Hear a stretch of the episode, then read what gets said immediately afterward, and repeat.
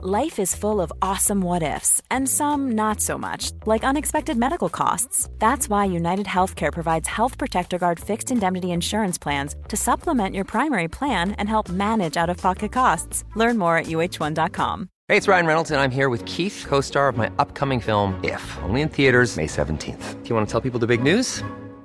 All right, I'll do it. Sign up now and you'll get unlimited for $15 a month in six months of Paramount Plus Essential Plan on us. Mintmobile.com slash switch. Upfront payment of $45 equivalent to $15 per month. Unlimited over 40 gigabytes per month. Face lower speeds. Videos at 480p. Active Mint customers by 531.24 get six months of Paramount Plus Essential Plan. Auto renews after six months. Offer ends May 31st, 2024. Separate Paramount Plus registration required. Terms and conditions apply if rated PG. Ready to pop the question? The jewelers at BlueNile.com have got sparkle down to a science with beautiful lab grown diamonds worthy of your most brilliant moments. Their lab grown diamonds are independently graded and guaranteed identical to natural diamonds, and they're ready to ship to your door. Go to BlueNile.com and use promo code LISTEN to get $50 off your purchase of $500 or more. That's code LISTEN at BlueNile.com for $50 off. BlueNile.com code LISTEN.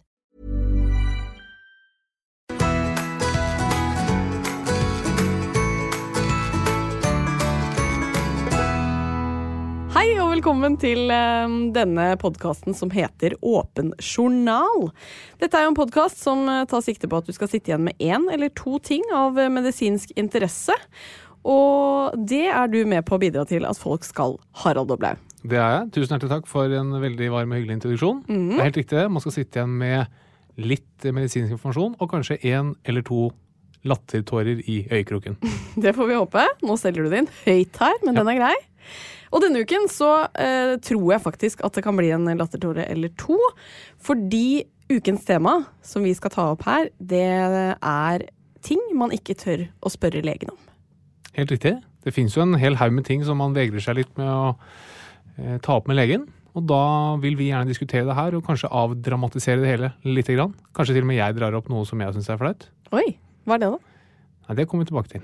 Men en ting eh, vi vet at du syns er flaut, det er jo at du ikke har en latter. Og jeg er helt sikker på at det er en haug med lyttere, kanskje bare ti. Men, men, men de ti er sikkert veldig nysgjerrige på eh, hvordan går det med jakten på den nye latteren? Jeg fikk jo en del hjelp forrige uke av Erik Solbakken. Det var veldig bra. Han, var jo litt, han gikk jo litt inn i den terapeutiske rollen og sa det satt i hodet mitt. Det tror jeg stemmer. Så jeg har jobbet mye med meg selv. Um, og dette med å prøve å få det til å komme innenfra. da. Så jeg tror kanskje vi skal prøve noen varianter i løpet av um, sendingen i dag. Oi, det er en liten teaser der, altså. Det gleder vi oss til. Kan vi få en liten smakebit? ja, men den er fin. Ikke sant? Det er i hvert fall noe. Og så skal vi selvfølgelig ha med oss en gjest, og det er en av dine navnebrødre, Harald. Helt riktig, for du har jo sagt at jeg kan ikke få nok Harald. Nei, det har jeg ikke sagt, men ok. Ja, men du kunne ha sagt det, fordi dagens gjest det er Harald Rønneberg. Ja. Han gleder vi oss veldig til å få på besøk. ja, så det gleder vi oss eh, veldig til. Eh, har dere noen forventninger til eh, hvordan det blir å møte Harald?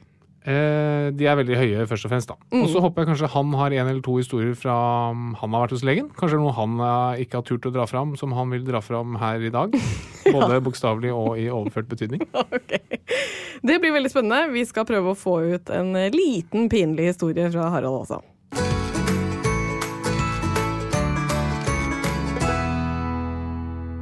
Jeg holdt på å si, jeg lurer på hvordan du har hatt det siden sist, men nå bor jo vi sammen, så det blir jo en litt eh, rar inngang der, altså. Men eh, jeg kan jo spørre, har du hatt det fint? Jeg har hatt det ganske fint. Ja.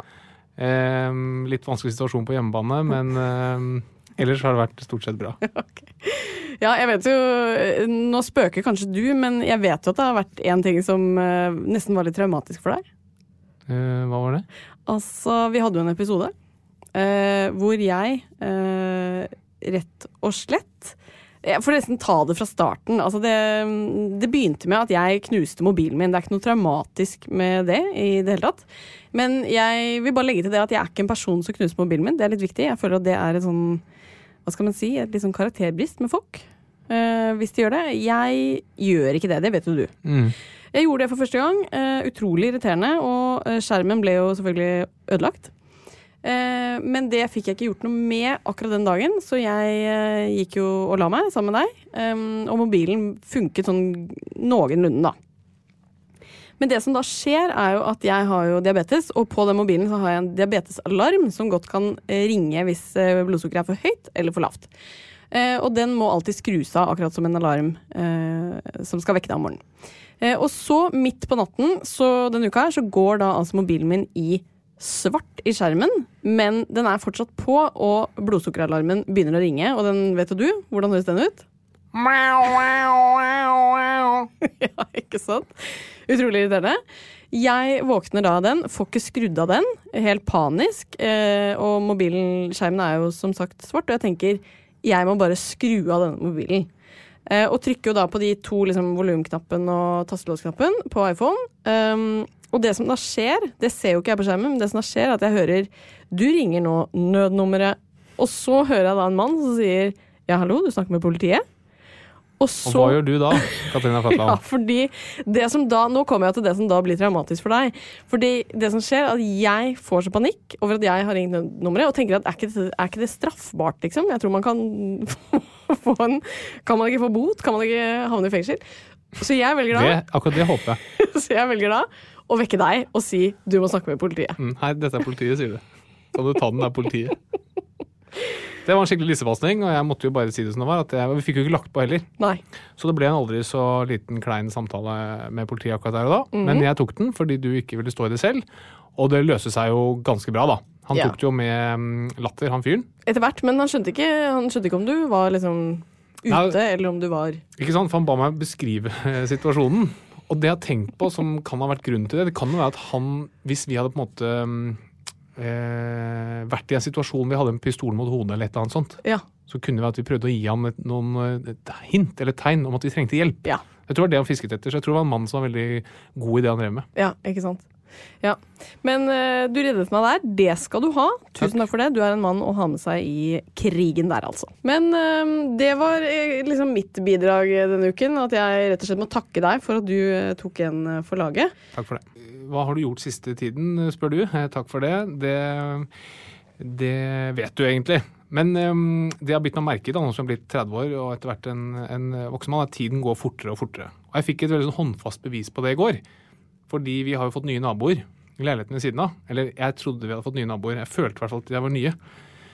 Så jeg gikk opp trappa på vei hjem, og så så jeg at han nye var på vei opp trappa foran meg. Jeg tenkte sånn, skal jeg gå så sakte at jeg som slipper å ta den praten i døra. Men det rakk jeg selvfølgelig ikke. Tenk hvis han hører dette. Ja, men det, Han er en veldig hyggelig fyr. Det er bare sånn, er ikke alltid jeg har tid og orker å prate. Og så står han og fikler med nøklene, ikke sant? og da blir jeg stående og fikle med nøklene ved siden av. Da må jeg si sånn Hei, du, velkommen hit. Hyggelig med nye naboer og sånn. Og så viser det at de har bodd her i to år. Hva sier du da? Ja, hva sa du da? Altså, To år, ja. Du dæven, tiden flyr, du. Å, herregud. Og så, og så sa jeg selvfølgelig vi vil veldig gjerne få invitere inn på et glass vin. Å oh, nei! Ved anledning.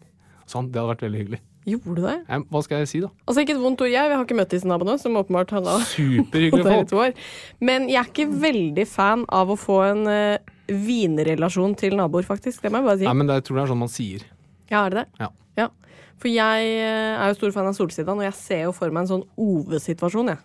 Nei, men han er en veldig hyggelig fyr. Ok. Dansk. Lover? Eh, basert på inntrykket jeg fikk, ja. Men du, en artig ting som jeg kom på, fordi jeg leste jo i avisen at um, Funky Gine, da hun skulle være med i finalen i Skal vi danse, så var hun veldig opptatt av å ha på seg samme truse som hun hadde hatt på seg i det første programmet hun fikk eh, fire tiere i, tror jeg det var. Eh, og da dro de også opp en gammel sak Ja, hun holdt om på samme truse hele veien fra hun fikk de første tierne? Nei, hun presiserte at hun hadde vasket den. Aha. Ja. Eh, men eh, da kom det også opp et bilde av Tone Damli med en Calvin Klein-truse, som Mhm. hun eh, alltid hadde på seg da hun danset. Um, og det er jo på en måte en Jeg tror det er for så vidt en kjent sak at man har noe som heter lykketruse. Uh, og nå smiler du. Ja, Lo litt også, faktisk. faktisk. Ja. Eh, og det er jo fordi du har jo definitivt én lykketruse. Ja, det har jeg. Jeg har en lykketruse som um, jeg har hatt i en del år, noe den bærer preg av. Um, som jeg bruker hvis jeg skal i viktige møter. um, ja, først og fremst da egentlig. Viktige møter eller viktige ting som skjer, så tar jeg alltid på meg den lykketrusen.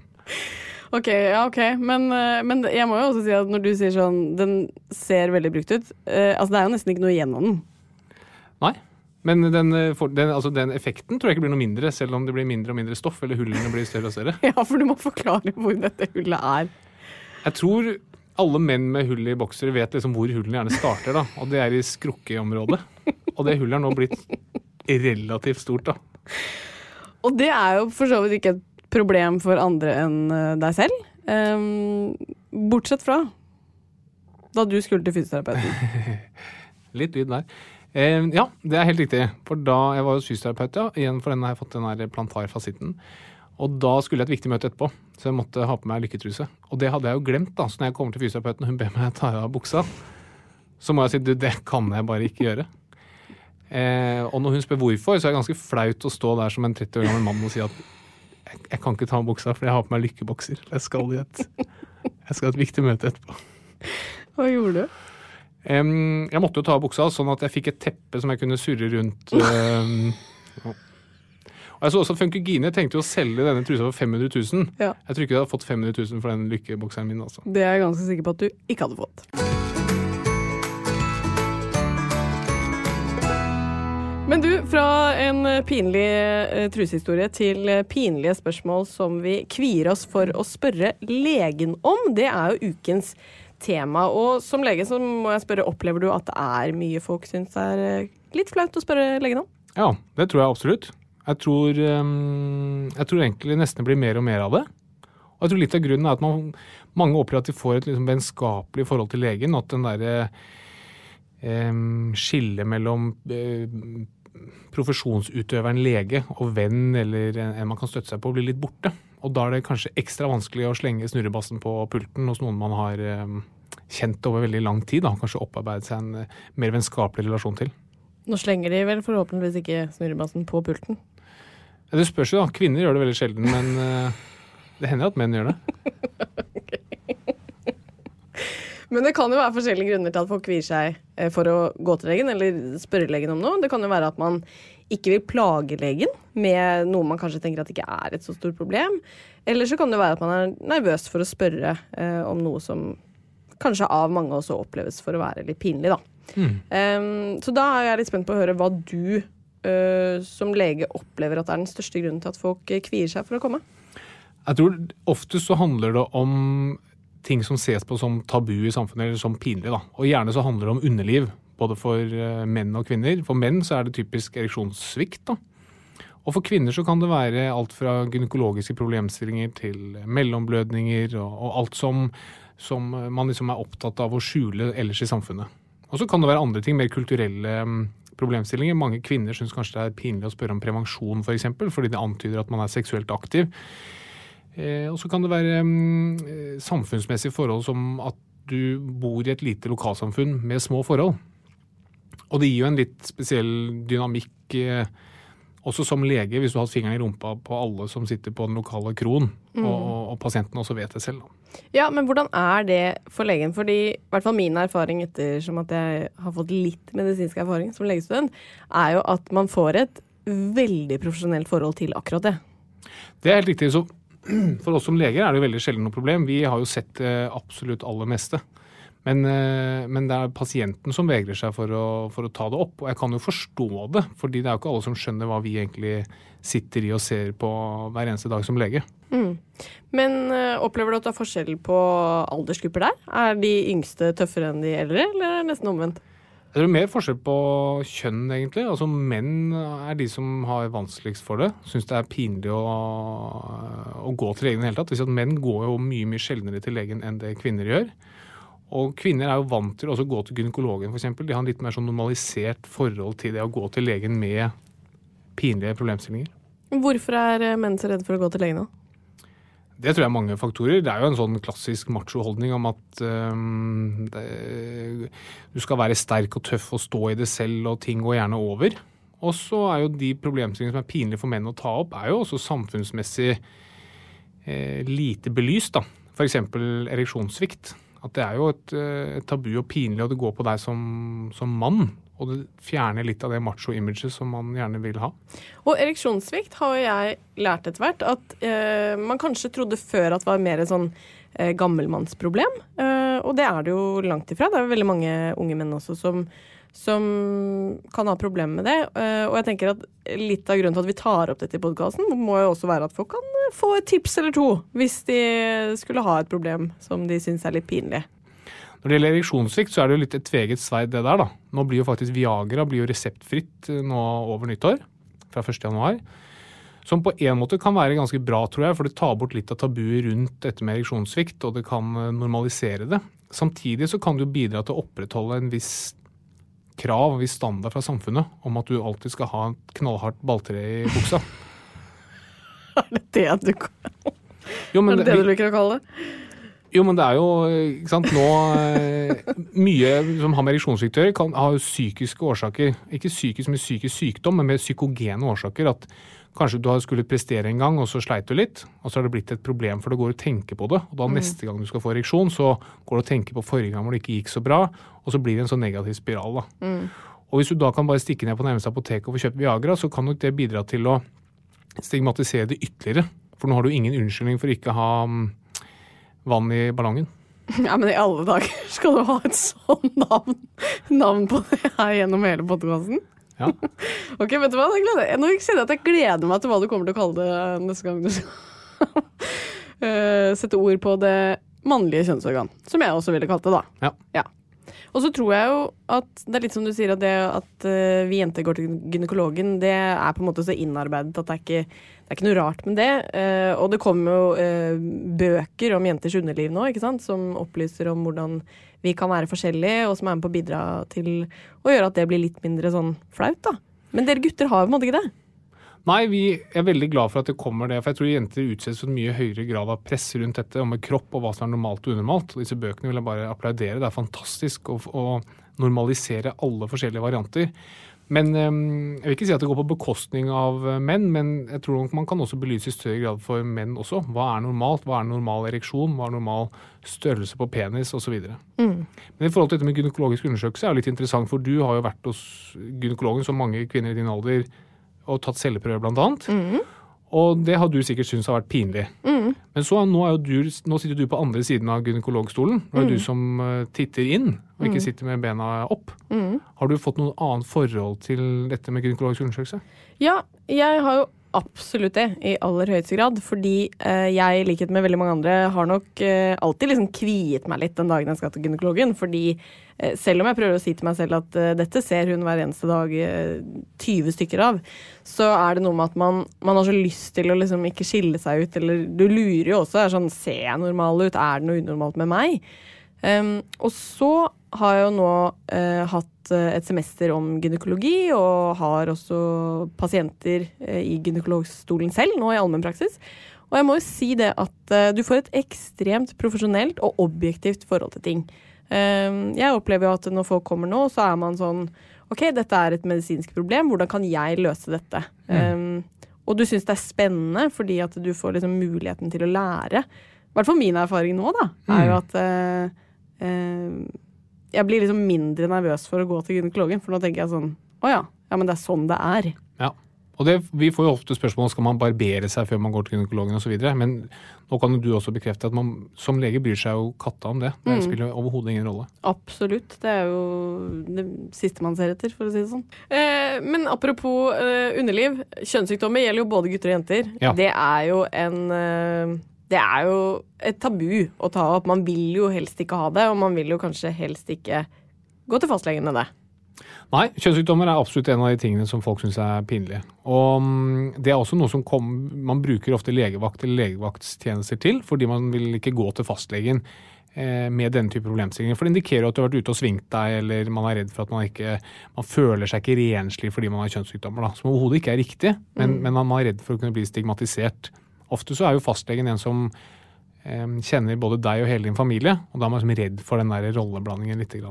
Ja, og det også synes jeg er sånn viktig å ta opp, fordi det med taushetsplikt, eh, og det eh, merker jo jeg med deg, for jeg har jo venner som bruker deg titt og ofte, har jeg skjønt, uten at du forteller selvfølgelig det til meg, men hvor jeg får vite det gjennom dem, da, hvor de sier sånn «Å, 'Jeg var jo hos Harald forrige uke'. Så den taushetsplikten står jo Altså, den står høyest av alt, egentlig, i legeyrket. Ja. Og det er jo Eh, Å ha den tilliten er helt essensielt for å kunne ha det fantastiske helsevesenet vi har. Og heldigvis så tror jeg veldig få er i tvil om hvor høyt den står. Men apropos kjønnssykdommer, vi skal ikke gå dypt inn i det, men jeg tenker at eh, folk lurer på det, de tør ikke å spørre legen om det. Og det er ekstremt viktig at man eh, er obs på det, fordi er det ikke rundt 80% eller noe sånt som er uten symptomer? Ja, så En av de vanligste kjønnssykdommene er klamydia. Det er, er, det er den det er definitivt eh, mest av. Og det er en asymptomatisk sykdom i de aller fleste tilfellene. Og det tror jeg mange kan oppleve som flaut og pinlig å ta med hos legen, men da vil jeg bare si at igjen, husk at legen har sett absolutt alt mulig, og legen kan ikke si noe til noen. Og oppfordrer, er man i tvil eller lurer på om man har det, bare stikk til legen og få det sjekket ut. Den ultimate konsekvensen kan jo være at du blir infertil som kvinne, og det er ikke verdt. Eh, men så sier du sånn hvis man er i tvil, men ok, hvis man Altså jeg skjønner ikke når helt sånn Hvordan skal folk vite at de skal sjekke seg? Så det man anbefaler er det at har du symptomer, det kan, også, det kan være milde symptomer som svie når det later vannet, endret utflod, det kan være mellomblødninger, da anbefaler jeg at du tester deg for klamydia. Alle, i hvert fall de som er under 25, etter hvert partnerbytte, etter, hver gang, etter en one night stand eller du bytter um, kjæreste, test deg da også. Og husk at både konsultasjonen er helt gratis, og behandlingen er helt gratis. Og det er ganske enkelt å sjekke seg òg, ikke sant? Veldig enkelt. Nå kan vi uh, bruke urinprøver. Så du kan bare tisse i en kopp, og så holder det for undersøkelsen. Trenger ikke å gjøre noen gynekologisk undersøkelse eller noe annet ubehagelig eller pinlig. Og det i hvert fall jeg syns var litt sånn uh, greit å lære på skolen, er jo Nå merket jeg veldig behov for å si at dette har jeg lært på skolen. En venninne av deg hadde klamydia. Dette er ikke selvopplevd. Jeg har faktisk lært det på skolen. Eh, og det er at hvis man eh, får klamydia, eh, så er man jo meldepliktig. Altså du må melde Jeg plikter å melde fra til alle jeg har hatt samleie med, som kan være smittet. Men jeg trenger ikke gjøre det sjøl. Det er helt riktig. Um, man har en plikt til å drive smitteoppsporinga. For, for sånn som klamydia er noe som myndighetene veldig gjerne vil bli kvitt. da.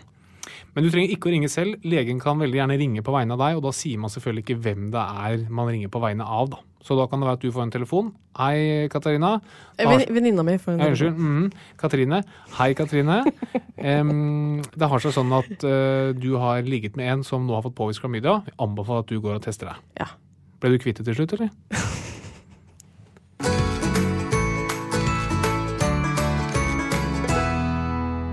Da er det jo en glede å kunne ønske velkommen til eh, din navnebror eh, Harald Doble. Ja.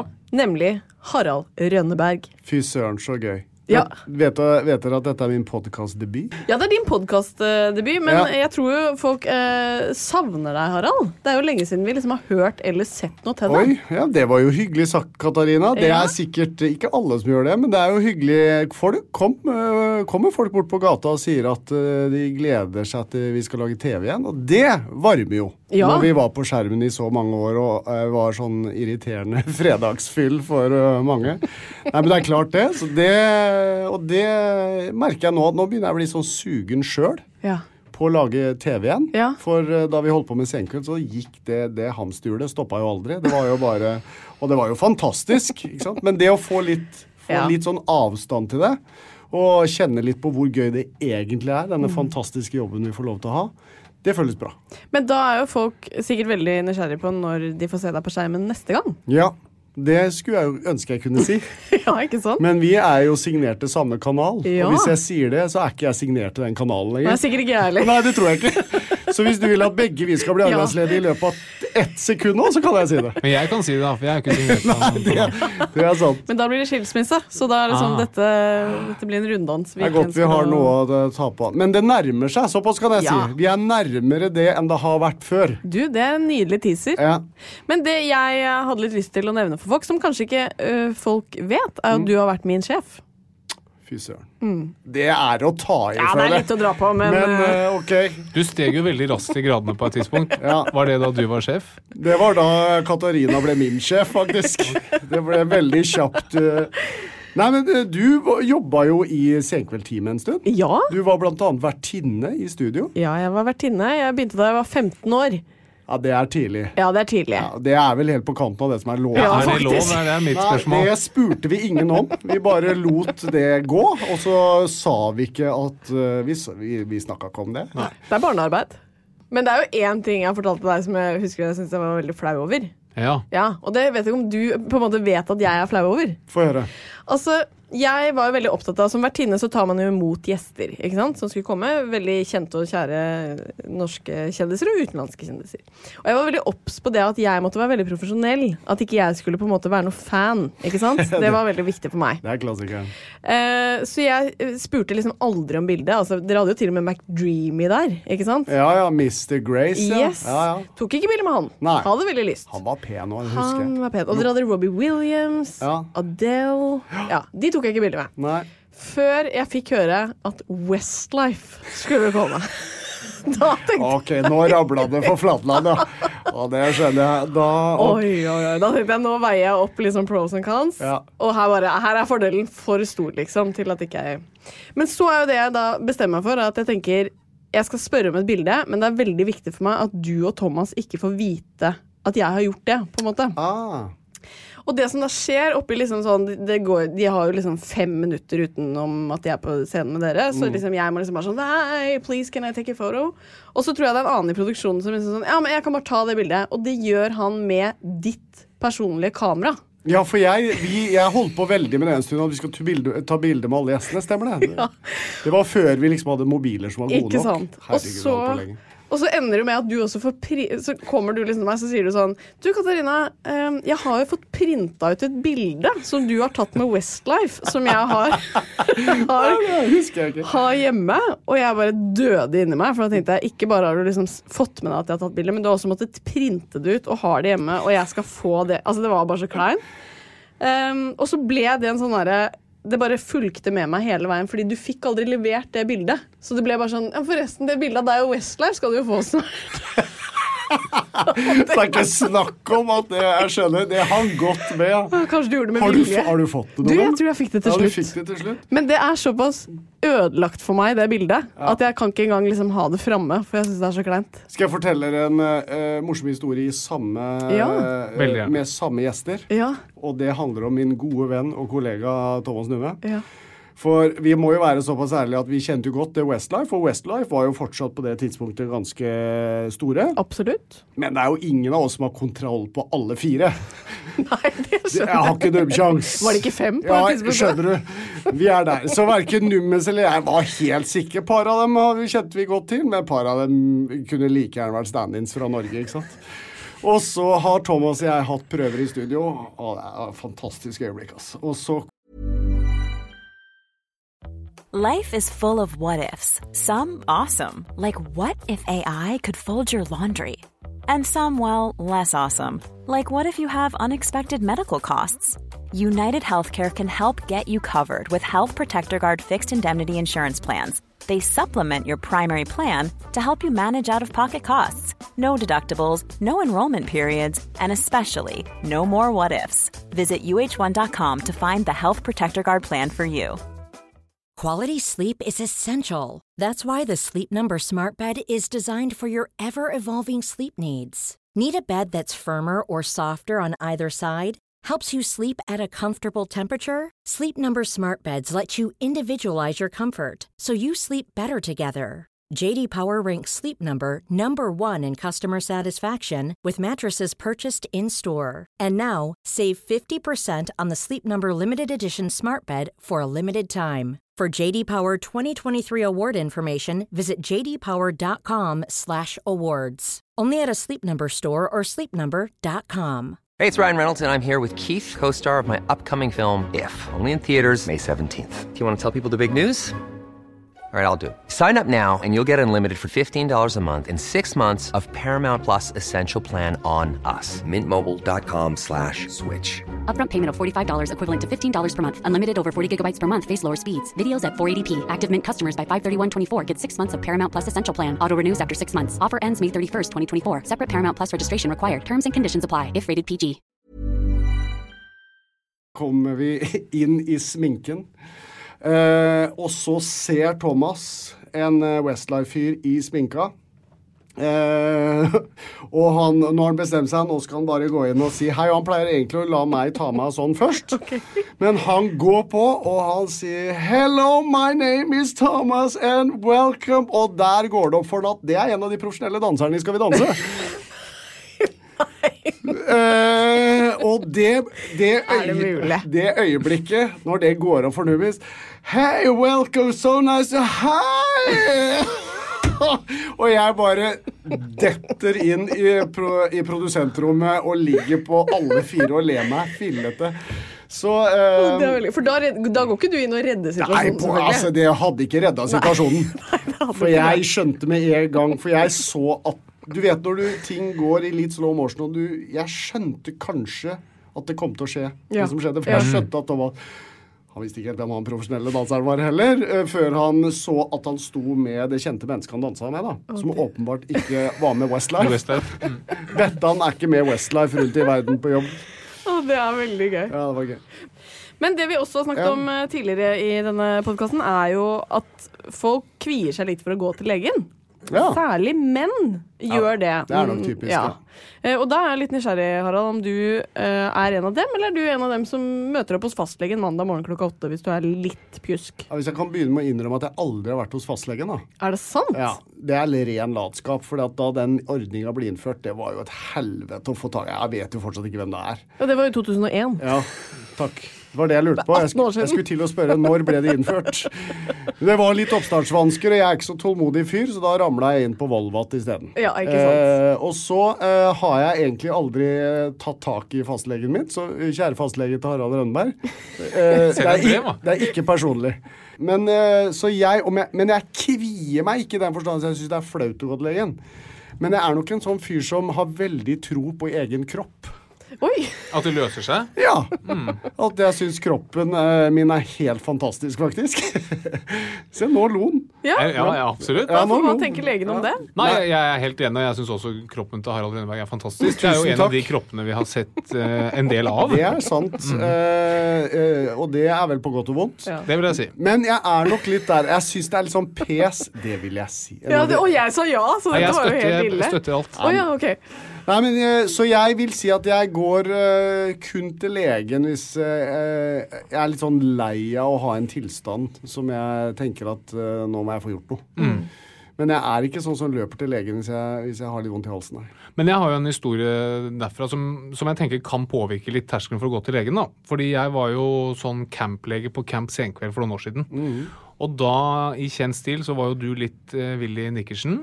eh, og fikk en uh, skada hånd rett og slett, som jeg gipset der på sett. Ja. Men så måtte jeg få deg til å få tatt et røntgenbilde for å se om det var brudd. da. Jeg bare påpeke at Harald var svært profesjonell og dyktig lege på on location. Ja, han var det. Ja, Var, det var endte ikke dette på TV også? Jo, det ble, jo, i hvert fall sånn det, Han er i hvert fall på internett. Ja.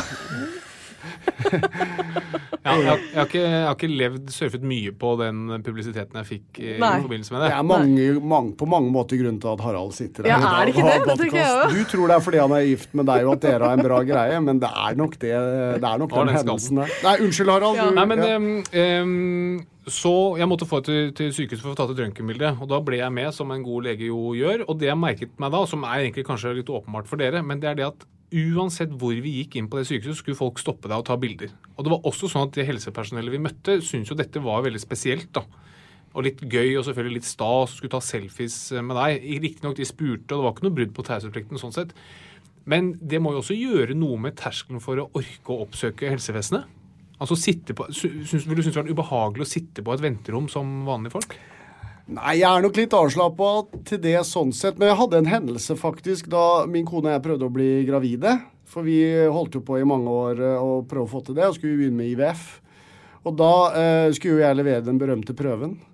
Eh, og så dro jeg opp til Ullevål sykehus og skulle jeg levere da en, eh, en prøve med mine. Hva heter de? Svømmere? Takk skal du ha. Eh, og så eh, Og da eh, var jo vi litt sånn Akkurat det er jo ikke spesielt keen på oppmerksomhet rundt, for det er jo litt sånn krevende når det ikke går som det skal. Og så husker jeg da at kom jeg på Ullevål, skulle jeg levere, fikk jeg beskjed om jeg bare går rundt der, så leverer hun Der er det en sånn eh, resepsjon eller ekspedisjon. Og så kommer jeg rundt hjørnet der, og så banker jeg på, og så sitter det tre sykepleiere med ryggen til. Så de ser ikke at det er meg. Og så sier jeg hei, unnskyld, jeg lurer på om er det her jeg skal levere en prøve. Og så holder jeg glasset opp sånn, og så snur de seg. Så får jo de først Nei. litt sjokk. Og så begynner de å fnise. Eh, og så blir de litt sånn forvirra og forstyrra. Og så er det en som da skjønner at kanskje jeg skal ta imot oh, denne prøven. Og så sier vedkommende beklager at vi reagerte sånn, vi var helt sikre på at det var skjult kamera. Og så er jeg sånn fyr, så jeg, jeg, jeg vitser litt. Jeg, jeg Ja. gjør jo ikke noe nummer ut av det. Så i det tilfellet så var Men sånn som da vi opplevde det på sykehuset Var det i Kristiansand? Det var Kristiansand, ja. Det, jeg tenker jeg ja. Det er jobben min. Det, og jeg tenker jeg, Jo da. Men man skal også, jeg tenker, men jeg tenker at der må man jo se an For hvis dere Hva var det du brakk igjen, eller hva, hva Nei, det var, det vi, vi fant vel aldri ut Var det en brist i håndleddet eller Ja. noe annet? Ja. Men i hvert fall, ikke sant, det er jo litt annerledes å komme inn med det, og, Ja, ja. enn hvis man på en måte kommer med noe som alle skjønner at det er en litt uh, Delik- ubekvem situasjon. Ja, litt delikat. delikat, ja. ja.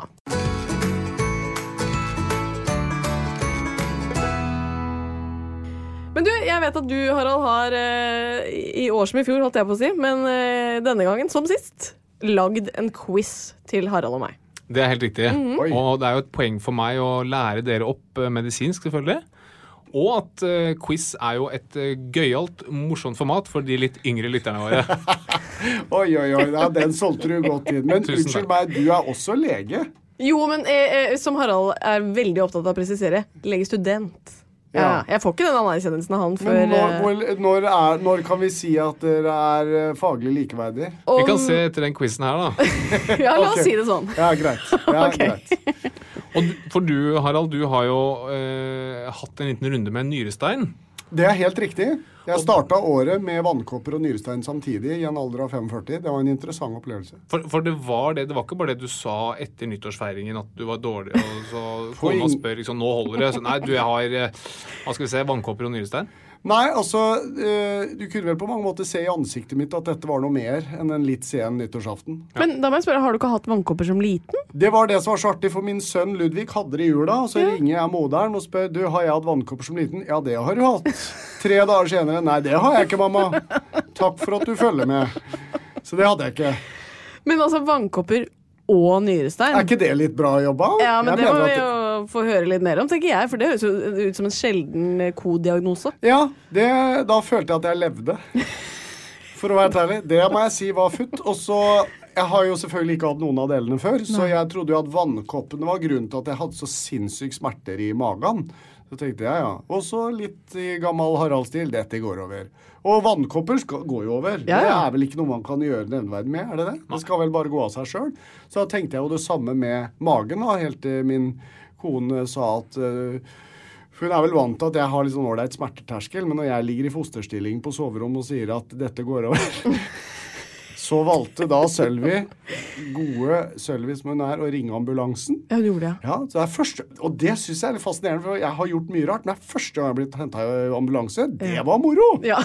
Du synes det var moro? Ja, det, De var så fine, de gutta. Og det var morfin, så jeg var jo høy som et hus. Og det var jo en vidunderlig Ja, da blir det moro. Ja, det var topp. Og så, ned, og så fikk jeg vi jo påvist nyrestein og alt det der. Og så endte jo jeg opp med å, å bli operert, da. Men jeg kan og da var jeg jo i full narkose. Jeg har aldri vært før. Det var jo fantastisk, det òg!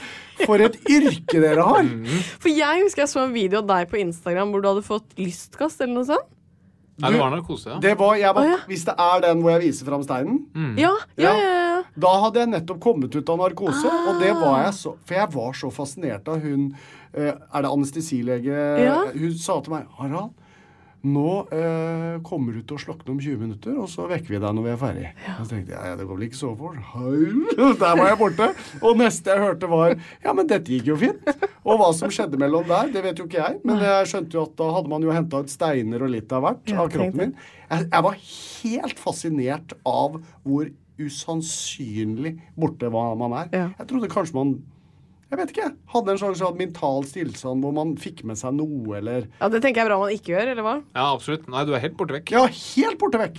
Det var moro, ass. Men det er man liksom litt avhengig av når man skal inn og skjære og mm, knuse og fiske ut. da. Jeg eh, er veldig glad for det når du Ja. sier det sånn. Ja. At, eh, men skal jeg fortelle deg en søt historie om min eh, lille sønn og nyrestein? Ja. Jeg skulle forklare han dette her. Ja. Og jeg er jo opptatt av å være en Jeg prøver i hvert fall å være en litt sånn glad, energisk far som skal leke med sønnen min og sånn. Og så kommer vi hjem en dag, og så er jeg ikke helt i form. Og så sier jeg til Ludvig du, jeg er bare litt slapp i dag, Ludvig. Eh, fordi at eh, jeg har fått noe som heter nyrestein. Så prøver jeg å forklare hva det er, og det nytter jo ikke. Så da gjør, kjører jeg en enkel variant, så jeg sier at jeg har fått en stein i magen. Og så spør jo da naturlig nok en fire og et halvt år gammel gutt hvordan, kommer, hvordan skal du få ut den da, pappa? Og så spør han har du spist en stein og alt sånt. Ja. Nei, det har jeg ikke. Kroppen har laga den steinen, og ifølge legen så skal jeg tisse ut den steinen. Ja, for dette var før du ble operert. Før jeg ble Ja. operert. Og var jo en vurdering om man skulle operere. Så jeg venta jo lenge da, om på at jeg skulle tisse ut denne steinen. Og Ludvig ble veldig opptatt av skal du tisse ut en stein. Ja, det skal jeg gjøre. Eh, Og så sa jeg i hvert fall ja, det er, det er derfor jeg er litt slapp, sa jeg til Ludvig. Så kom vi i barnehagen dagen etter, og han er veldig opptatt av denne historien. Og så eh, skjønner jeg at nå er det ting på gang her. Nå kan det komme, kan det komme gullkorn. Så vi kommer i barnehagen, eh, og jeg eh, sier ha det. Ludvig løper inn, og jeg skjønner at nå bør jeg kanskje vente i de ti sekundene ekstra. Han løper bort til en voksen i barnehagen, og så sier han da Vet dere hva, eller? Pappa har fått en stein i magen, og det er derfor tissen hans er så slapp. Nei, Nei, det er ikke greit. Er Så han hadde ikke, hadde ikke fått med seg hele, hele sammenhengen. Så jeg har jo nå et omdømmeproblem i barnehagen. Ute i barnehage, da. Ja, så det å være barnehageansatt, det lurer jeg Hvis jeg slutter med TV, så lurer jeg på om jeg skal bli med der, for der er det mye gøy. Oh, Ja, De tror jeg hører mye moro i De løpet hører av mye dagen. moro. Det var en lang digresjon på vei inn i quizen, men nå gleder jeg meg til quiz. ja. Doktor Dublø. Doktor Dubløs Dr. quiz. Dublø. Og denne quizen heter En quiz om piz. Ja, den syns jeg du leverte Ja, det var fint. Fin, Det Vet du hva, Kan jeg bare si en ting? Rent humormessig, når du skal levere sånt, Ja. da er det en fordel å ikke ha latter i Ja, det er sant. Ikke sant? For du kan, hvis du syns sjøl det er artig, så Ja. merker vi det ikke nødvendigvis. Fy søren. Ja. Snudde noe negativt til noe positivt. det er det vi driver Ja. med.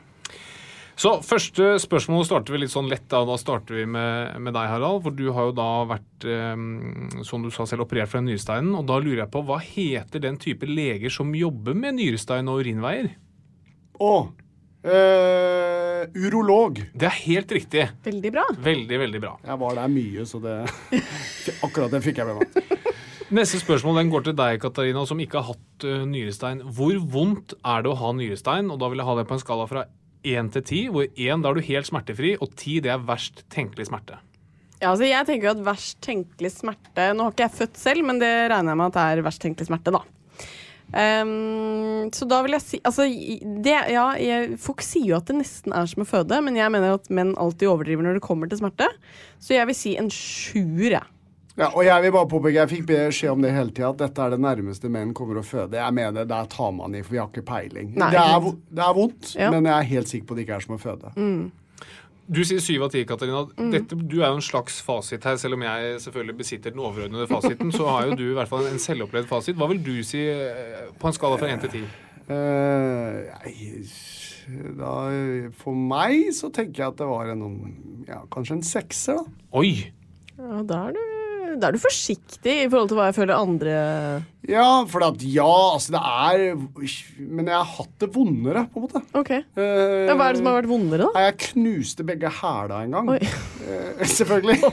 Ja. Uh, det, det, jeg hører jo at eh, den krever en oppfølging. Ja, Var det Men det er veldig Nei, det er bare Rønneberg på ski og ivrig og eventyrlysten og idiot og alt på en gang. Men jeg var veldig opptatt av å hoppe langt på alpinski.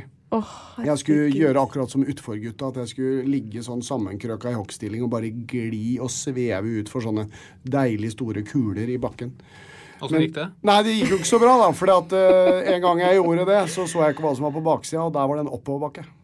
Å, fy Så søren, jeg så traff uh, Jeg hadde nok ganske høy fart. Vi var nok oppe i 80-90 km i timen og landa i oppoverbakke. Det er en veldig dårlig idé. Så da sprakk begge Nei, nei, nei, støvlene mine, og så knuste jeg begge hælene. Og det husker jeg i hvert fall som Det var garantert vondere enn jeg opplevde nyrestein. Den, den, det må man bare si, En sånn knust hæl, det har et navn. Oi, Og det heter Lovers Fracture.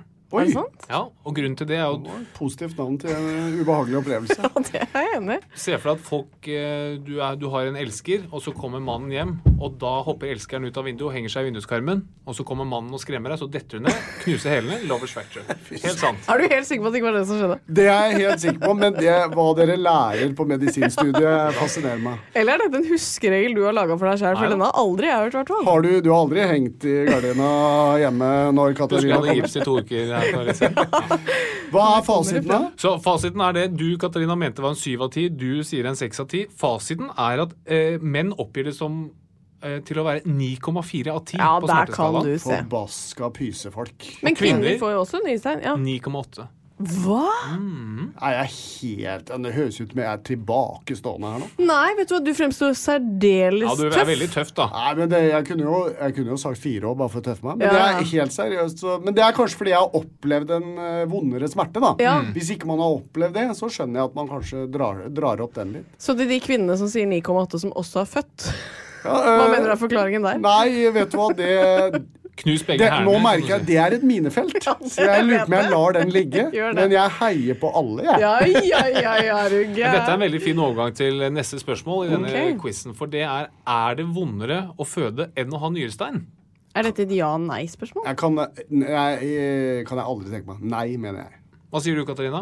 Uh, vet du hva? Som uh, medisinstudent, da, som jeg liker å få inn i denne podkasten uh, og snart lege. Ja, snart lege. Svært anerkjent lege hvert Svært øyeblikk. anerkjent.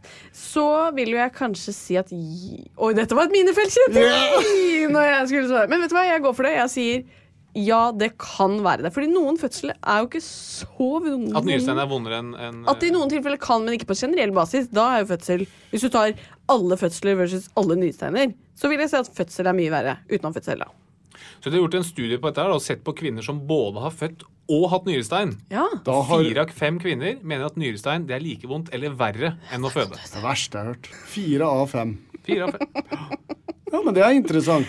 ja, det er interessante tall. Det tenker jeg for menn eh, landet over, altså. At Ja. det blir eh, fint å kunne si. Det er jo sånn mageknipfølelse, syns jeg det var. En litt kraftig en, riktignok. Ja, det må det Ja, det er noe skikkelig indisk du har fyra opp da, med noe gammel rotte og noe kos. Men, eh, men eh, jeg, jeg, jeg fikk jo den følelsen. Det er klart jeg lå i fosterstilling. Men jeg mener fortsatt at det er en For meg så var det en, eh, en sekser. Men der vil jeg gjerne legge til at jeg håper at aldri du får eh, nyrestein. Fordi Harald er jo lege, men eh, også svært syk når han blir syk. Altså, Oi, er kjenner du, er du det? Nei. Jeg ville tenke at nyrestein for meg ville kanskje vært to av ti. Ja vel.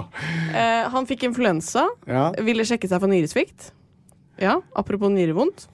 Han fikk eh, hodepine, som han syntes var så påfallende at han hadde vondt i hodet på morgenen at han lurte på om han hadde fått hjernetumor. Men du, vet du hva, kan jeg da stille et spørsmål? Er det ikke alltid Det er kanskje litt alltid eh, La meg omformulere og snakke et språk som noen forstår, i hvert.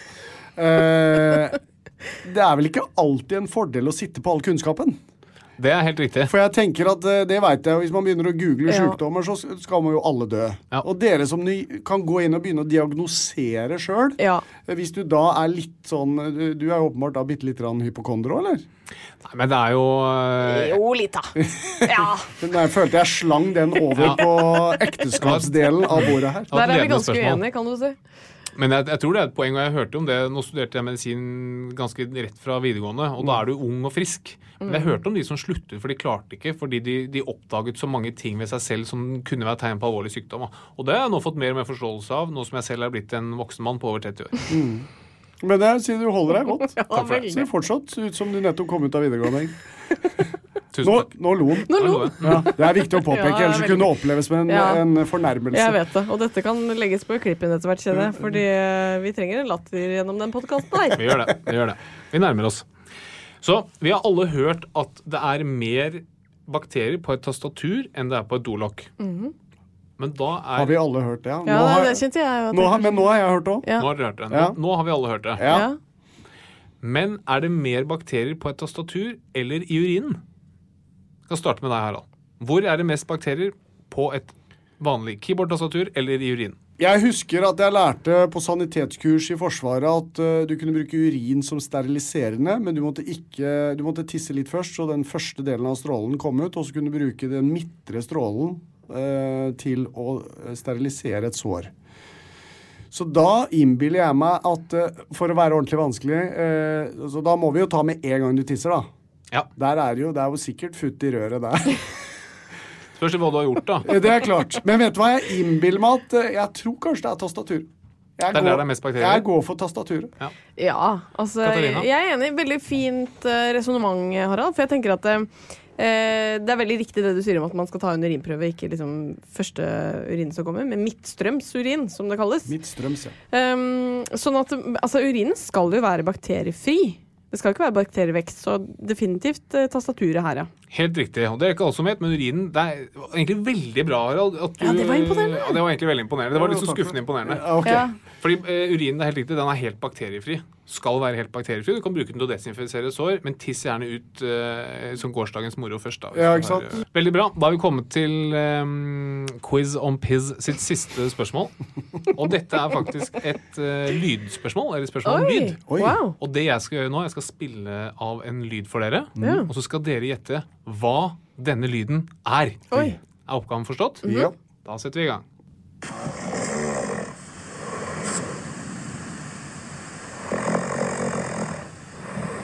Har det med tiss å gjøre?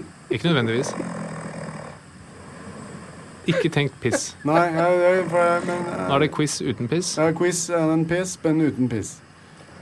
Ja. Vil du gjette først, eh, Katarina? Jeg får jo en sånn umiddelbar assosiasjon. Skal, skal vi si det, eller? Veldig gjerne. Ja, jeg, det høres ut som snorking. Det er helt riktig, Harald Rønneberg. Men det er bare halvparten av svaret. Ja, vet du hva, nå klikker det for meg her! For det vi lurer på, er jo hvem sin snorking er det? Fordi i forrige program så var det noen som tok opp noen mangler ved meg. Og la meg være den første til å innrømme at det er mangler. Ja, nå har du baller som ektemann. Det skal du ha. Men så kontra jeg forrige uke og så sa jeg Ja, men du skjønner du, Katarina, du snorker. Oi. Og så svarer Katarina jeg snorker aldeles ikke. For jeg så for meg en litt eldre herre jeg nå når jeg hørte disse lydene. Men er det deg? Nei, nei, altså? nei, nei, nei vet du hva, det, det nekter jeg å tro. Når i alle dager skal du ha spilt inn det her? Om natta, tydeligvis. Ja, men altså Du sovner jo før meg og våkner etter meg. Ja, tror du Tror du ja. går an å sove gjennom de greiene der? det, Du lever tydeligvis eh, i en, en slags sånn rosenrød verden om natta, hører jeg. Nei, men da, dette, kan, dette kan jeg ikke vedkjenne Hva er det? Det er Katarina. Det er altså. Katarina for, det for jeg var også inne på uh, type snøfting av et nesehorn i, i f.eks. på det afrikanske kontinent. Eller en brunbjørn eller Eller en brunbjørn. Et større dyr, i hvert fall. Men det Altså- er din Dette er et 60 kilo tungt dyr som bor i Rosenborggata. Jeg kan si det så mye at Med mindre du har en video som bekrefter at det der er meg, så nekter jeg å vedkjenne meg det. Da får vi se neste uke, da. Det høres ut som det er fullt mulig å få det på teip igjen. Da. Men vet du hva, du sover godt, da. Du, Jeg sover kjempegodt, men vet du, nei, det kan jeg. Jeg kan bare ikke kjenne meg igjen. Nei, nei. nei. Ja, Men da konstaterer vi at uh, Men snorker du? Overhodet ikke. Nei, jeg snakker ikke. Aha, det er ikke det. Dessverre. Man har mange andre mangler. Den mannen der. Mer om det neste uke. Mer om Ja, det ja, neste det kan vi uke. glede oss til. Men før vi avslutter, så har du jo en premie, har du ikke det? Jo, Ja. Oi, har vi premien premie? i dag det er et premie. lite uringlass. Så Ja. du kan få ta urinprøve hjemme. ja. Hvis du vil. Så det tror du du kommer til å få brukt det med det første? Tusen takk. Vet du hva? Det, hvorfor ikke? Jeg eh, Man vet jo aldri. Tar man uh, for gøy, eller? Nei, det var egentlig for det var det jeg hadde liggende på kontoret. Ja. Og det handlet om urin, du får ikke brukt den til noen ting. Men man kan jo bruke det til andre ting òg. Det er jo et sterilisert glass. Kan jo ha lørdagsgodt til Ludvig i det. Altså, Her er det litt Gi det er, bort på halloween til noen andre unger. Så kan du også. Da vil jeg Her passe er godt. Nonstop! Det ville passet godt på han hvis han går alene rundt på et legekontor senere og tror han finner lørdagsgodis i alle urinprøver. Ja, det er Ja, dumt. ja, ja, ja. Eller leverer i Nonstop og tror det er urinprøve. er jo Ja. også en interessant eh, løsning. Ja, men takk skal du ha. Jeg, sjelden man får gaver sånn når man er gjest. Ja, du har prestert meget godt. Du syns det? Ehm, apropos prestasjon. eh, Vi ønsker jo at folk skal få et lite tips til å prestere bedre eller bli enda sunnere til neste uke. Hva er det du har tatt med oss til denne uka, Harald? Jo, ukas eh, helsetips det er å ta D-vitamintilskudd okay. på høsten og vinteren. Gjør du det, Harald? Oi, nå merker jeg at det gjør jeg ikke Nei. i det hele tatt. Og det eh, eh, skal jeg nå rett ut og kjøpe. Er Sanasol, er det D-vitamin i det? Funker det for voksne menn? Tran. Ja, tran er jeg innom i ny og ne. Ja. Det er veldig bra. Særlig på høsten og vinteren. Man trenger sollys for å lage D-vitamin. Ja. Det har vi for litt av eh, her nordpå for de fleste av oss. Reseptfritt eh, D-vitamintilskudd eller tran, det gjør susen. En slurk fra flaska, er det innafor? Det er innafor, og det er jo en sånn, sånn macho-variant å gjøre. Typisk de som sier at uh, nyrestein er eh, bare seks av ti. Så det vil være med å opprettholde macho-imaget ditt. Jeg skjønner. Folk som driver med sånn indirekte selvskryt, egentlig. jeg skjønner. jeg Som skjønner. dere gjør. Nå lo Harald igjen. Ja, si det, for at det, det er viktig at vi påpeker det. Ja, jeg er helt enig. Du, jeg må bare si det at um, Og det blir mye Harald her, men uh, til deg, Harald. Takk. Rønneberg. Så har det vært en glede å ha deg her. Veldig gøy, og jeg er utrolig glad for at uh, min første podkast var med dere to. Det var veldig hyggelig at du sier. Og så må jo jeg også påpeke deg at vi kunne jo lagd vi kunne jo lagd en hel altså podkastserie om alle dine sykehistorier. For det Ja. er jo knuste hæler Det høres ut som jeg har vært mye sjuk. Jeg, har- jeg har egentlig ikke det, men når jeg først blir det, så klinker jeg til. da. Guri Jeg gidder ikke sånn småplukk. Jeg vil ha noe, jeg vil ha noe, Gjør det igjen. skikkelig. Jeg vil ha noe igjen i andre enden. Jeg vil ha noe å snakke om i podkast, f.eks. Så dette, dette kommer vi til å gjøre oftere med Harald, tenker jeg. Det vil jeg si. Ja. Har du noe mer å tilføre før vi eh, er tilbake neste uke, Harald? Nei. ikke i det hele tatt. Gled, da gleder jeg meg til å høre på dere neste uke. Tusen takk til deg, Rønnis. Det var hyggelig å ha deg her. Veldig hyggelig å være her. Og takk til deg. Plan B. Planning for your next trip? Elevate your travel style with Quince. Quince has all the jet setting essentials you'll want for your next getaway, like European linen, premium luggage options, buttery soft Italian leather bags, and so much more. And is all priced at 50 to 80% less than similar brands. Plus, Quince only works with factories that use safe and ethical manufacturing practices. Pack your bags with high-quality essentials you'll be wearing for vacations to come with Quince. Go to quince.com slash pack for free shipping and 365-day returns. Even when we're on a budget, we still deserve nice things. Quince is a place to scoop up stunning high-end goods for 50 to 80% less than similar brands. They have buttery soft cashmere sweaters starting at $50, luxurious Italian leather bags, and so much more. Plus, Quince only works with factories that use safe, ethical, and responsible manufacturing.